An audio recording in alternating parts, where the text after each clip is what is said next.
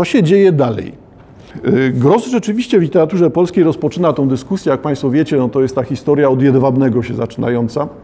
E, Materiały zamieszczone w tej- książce Tomasza Grossa Złote Żniwa wypełniają też jego publikację Strach i to jest dokładnie ten sam okres, czyli ściśle lata po II wojnie światowej, też analiza tego strachu, który jakby wypełnia całą Polskę.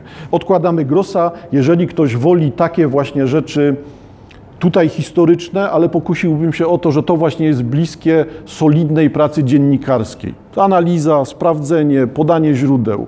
I można w tym momencie mieć pretensje do Grossa. Wygląda na to, że wszyscy Polacy są hienami cmentarnymi i dorabiali się na złocie żydowskim.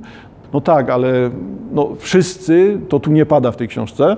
Pokazany jest rozmiar tego i wychodzi na to, że no nie pójdziesz kopać, to jesteś frajer, no. Więc wszyscy idą kopać, jak tylko wiedzą, że tak jest. To zjawisko jest masowe. No a nikt nie odpowiada na pytanie, czy masowe w sensie 100% Polaków, czy 20%, czy jak liczyć lokalnie, czy regionalnie, ponadregionalnie, krajowo. Co jest interesujące literacko? Literacko nie są interesujące książki takie właśnie wyciskacze łez. No, upraszczam, bo to są książki o różnym poziomie. Tak? Te, te książki biało-niebieskie paski, takie mam na myśli. Literacko interesujące są te rzeczy, które robią krok wstecz. Rozumiem przez to, nie pokazujemy źródeł na pierwszym planie, bo to jest rzeczywiście żmudne. Czytanie e, rozpraw no, naukowych, chociaż w przypadku Złotych Żniw to bardziej jest esej, ale, ale naukowy esej, no to w takim razie czytanie takich rzeczy może być trudne dla nieprzyzwyczajonego odbiorcy. No to mamy coś takiego. Paweł Piotr Reszka, Płuczki, poszukiwacze żydowskiego złota.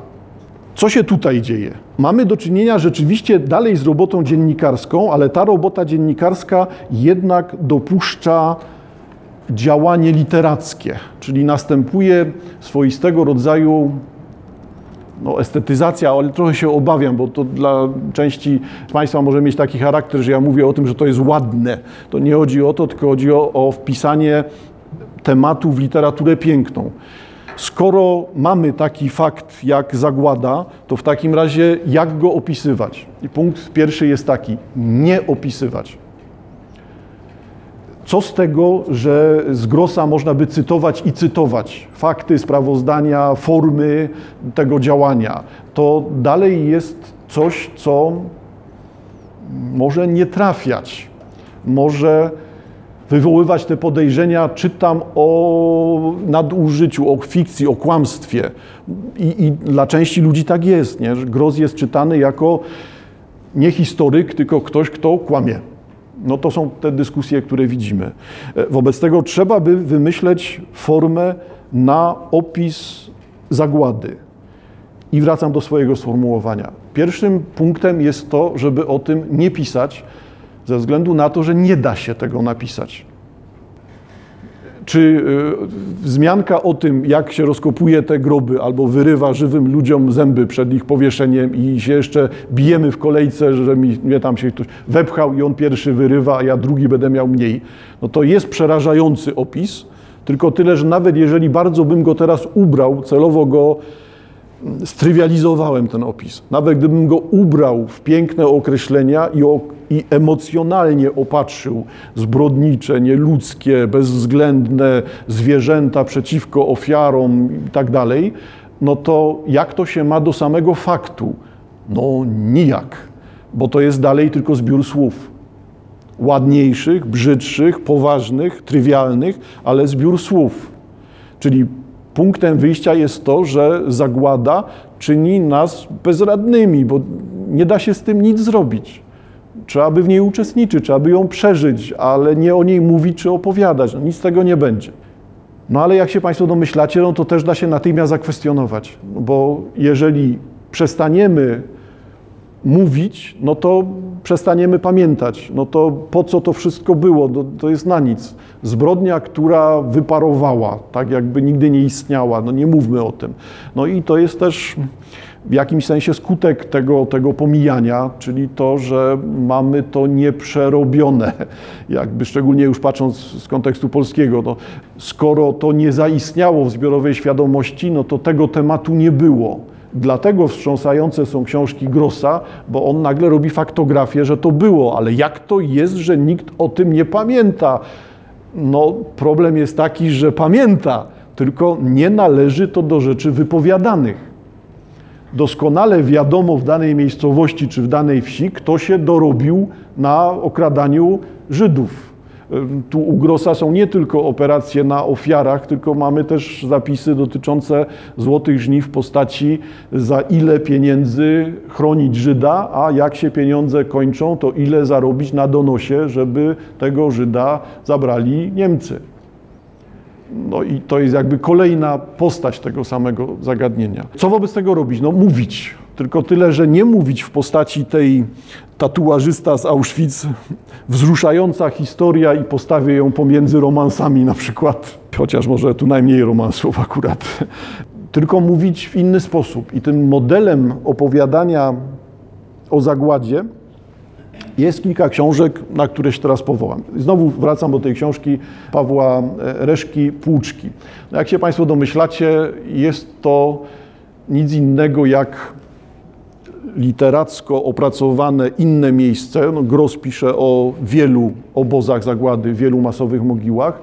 E, tutaj jesteśmy w okolicy Bełżca przede wszystkim, ale pojawiają się też inne obozy. I to jedno miejsce jest opisywane, ale opisywane nie przez historyka. Możemy powiedzieć, że opisywane przez dziennikarza, ale ten dziennikarz pozwala sobie na stosowanie zabiegów, które jednak wpisują książkę tą, Płuczki, w literaturę piękną. Jaki jest tutaj podstawowy zabieg? O tych płuczkach, czyli jak widzimy na okładce, stosowaniu rafy, charakterystyczny splot, znacie Państwo może z mebli, taki posplatane, no tu akurat celowo ten splot się wykorzystuje, nie wiem czy Państwo widzicie, plot układa się w gwiazdy Dawida. To akurat nie jest celowe, bo przecież znamy to z każdego miejsca, taki splot wykorzystywany, nie wiem, w oparciach krzeseł na przykład.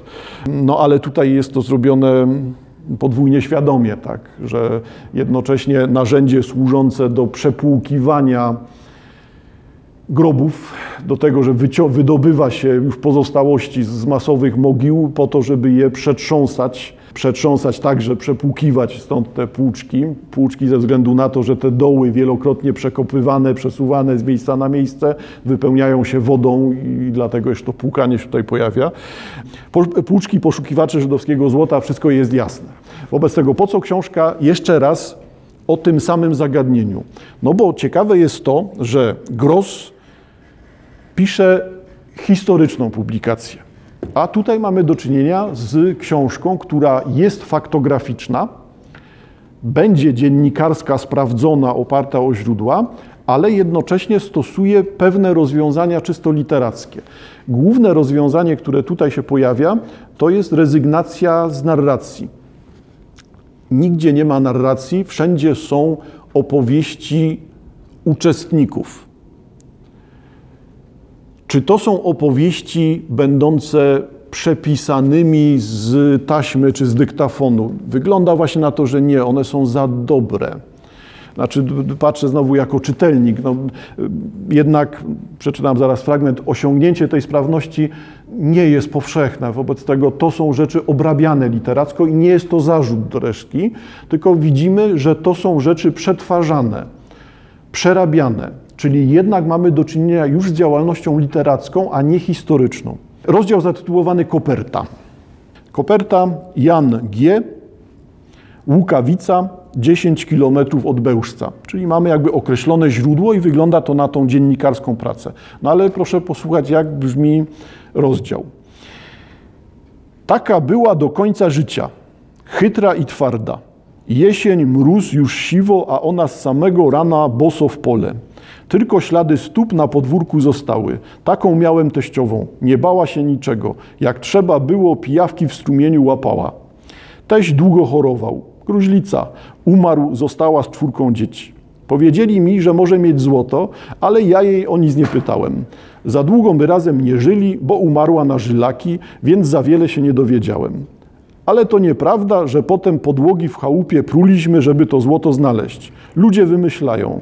Tylko jak się miałem żenić z Cecylią, teściowa wyciągnęła zawiniątko. Złota koperta, taka z zegarka kieszonkowego. Dam ci to na obrączki, powiedziała, ale co ci zostanie, to mi oddasz, bo ja dwóch synów jeszcze mam.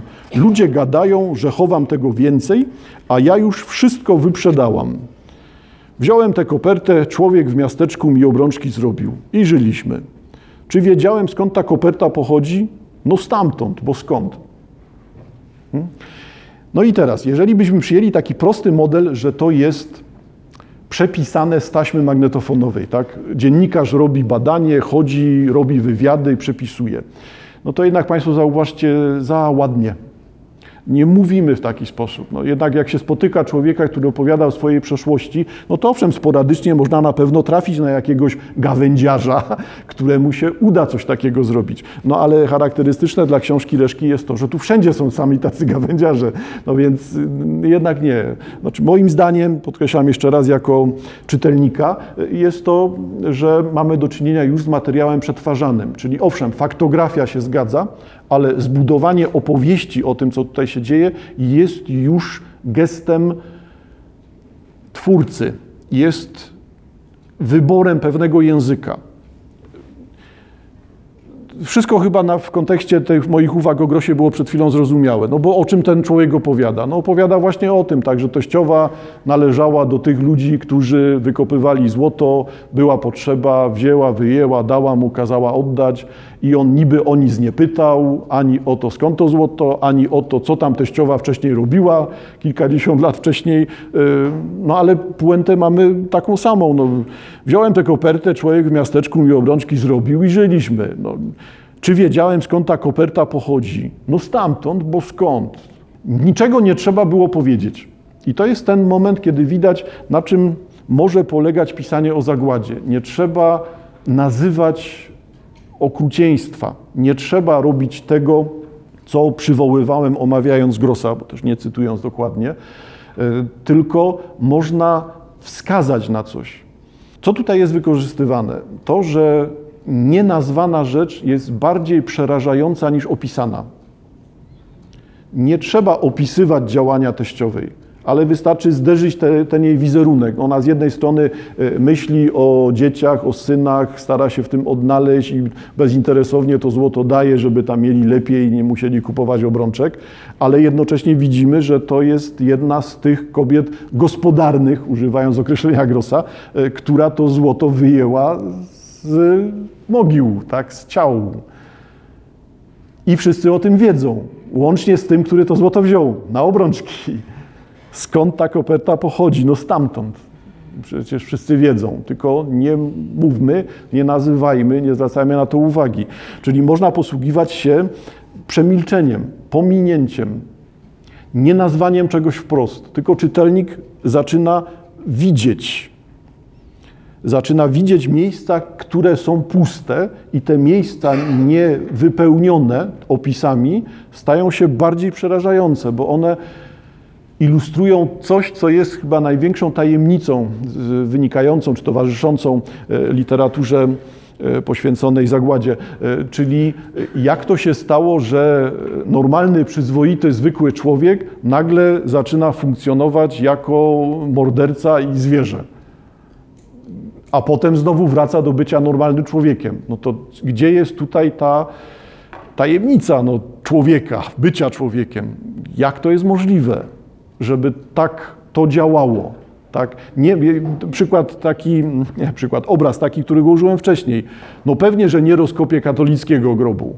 No i pewnie, że idę jak wszyscy kopać w żydowskich masowych mogiłach. No to i to dalej może być człowiek, który będzie przyzwoity albo będzie przynajmniej rozumiany, postrzegany jako przyzwoity. No to gdzie jest ta, ta tajemnica?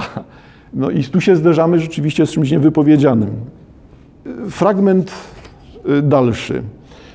Dalej reszka, czyli płuczki. Ojciec miał jakieś dwa hektary pola, zmieniamy osobę. E, ojciec miał jakieś dwa hektary pola, ale kiedyś tak się nie rodziło jak teraz. Nawozów nie było, malutkie zboża rosły, sierpem się żeło, a jażem bardzo lubił tę robotę. Pola było mało, ale głodni my nie chodzili, chociaż nas dwóch braci, e, było dwóch braci i dwie siostry. Ziemia tu jest taka kamyczkowa, ale tam jest piaszczysta. Tak, na Kozielsku. Chodziliśmy w sumie, e, chodziliśmy tam po wojnie, gdy już Polska demokratyczna była. Zauważcie Państwo, że to są te rozpiętości w czasie. Demokratyczna była, ale nikt nie mówił idę do obozu w Bełżcu, tylko właśnie na Kozielsko. Może to stąd, że tam kiedyś kozy paśli. Piach tam był i nieraz jak się dół wykopało, taki jak do sufitu, to się obsunął. Tam się robi, jak ziemia wcześniej jest ruszona. Obsypuje się, pęka. E, trzeba było szybko uciekać, a pod spodem dwa, nieraz trzy metry niżej, to właśnie był ten żużel. No kości spalone. Szufelką się go wyciągało i przebierało. Żydzi byli bogate. I widać, na czym polega tutaj ten pomysł. Owszem, oddanie głosu uczestnikowi, świadkowi, znany zabieg. Znany zabieg chociażby z medalionów. Państwo też pamiętacie, że w medalionach Naukowskiej jest to samo. Zbieranie wypowiedzi, tak. Opowiada student profesora Szpanera, jak się produkowało mydło z ludzkiego tłuszczu. To nie jest opowieść z zewnątrz, tylko opowieść świadka. Tu też mamy te opowiedzi świadka, tylko tyle, że Naukowska bezwzględnie przerabiała te wypowiedzi na język literacki, tam jest to konsekwentnie zrobione, e, a u reszki widać działanie podobne, pomysł podobny, czyli mamy punkt widzenia uczestnika, świadka, e, ale z zachowaniem jego języka. I sprawa zaczyna się robić tutaj duża, e, duża w sensie takim właśnie literackim czy językoznawczym, ze względu na to, że docieramy do tego, że człowiek ujawnia się w języku. Wizytówką człowieka jest jego język. Jeżeli język jest Żydzi byli bogate, no to jest to wizytówka tego człowieka. Tutaj nie robi się, reszka nie robi analiz tego typu, ale to jest jednym z zagadnień, które tutaj się przewija. Oddając głos uczestnikom, ujawniając ich język, ich opowieść o Żydach, dokonuje się analizy osoby. Kim są ludzie w tym uczestniczący? Oni mówią o sobie poprzez język, poprzez użycie takiego właśnie języka. No i ujawnia się w tym momencie coś, no co no znowu trzeba wartościować teraz, no, no coś przerażającego, no bo ujawnia się to podejście właśnie bezwzględne, okrutne, proste, nieludzkie, podejście właśnie takie, że skoro już nie żyją, to przecież niech się to złoto nie marnuje, bo po co ma w tej ziemi leżeć, my sobie skorzystamy, krowę się kupi, dzieci wykarmi, jest dobrze, no to, no to kopiemy. No bo wszyscy kopią, no to oni kupią krowy, ci moi sąsiedzi, ja krowy nie kupię, muszę iść kopać. Może mi się nie podoba, ale w końcu praca jak każda inna, nie? I lądujemy w kręgu tych samych zagadnień. Jeżeli tak czytamy reszkę, to trzeba właśnie zwracać uwagę na to,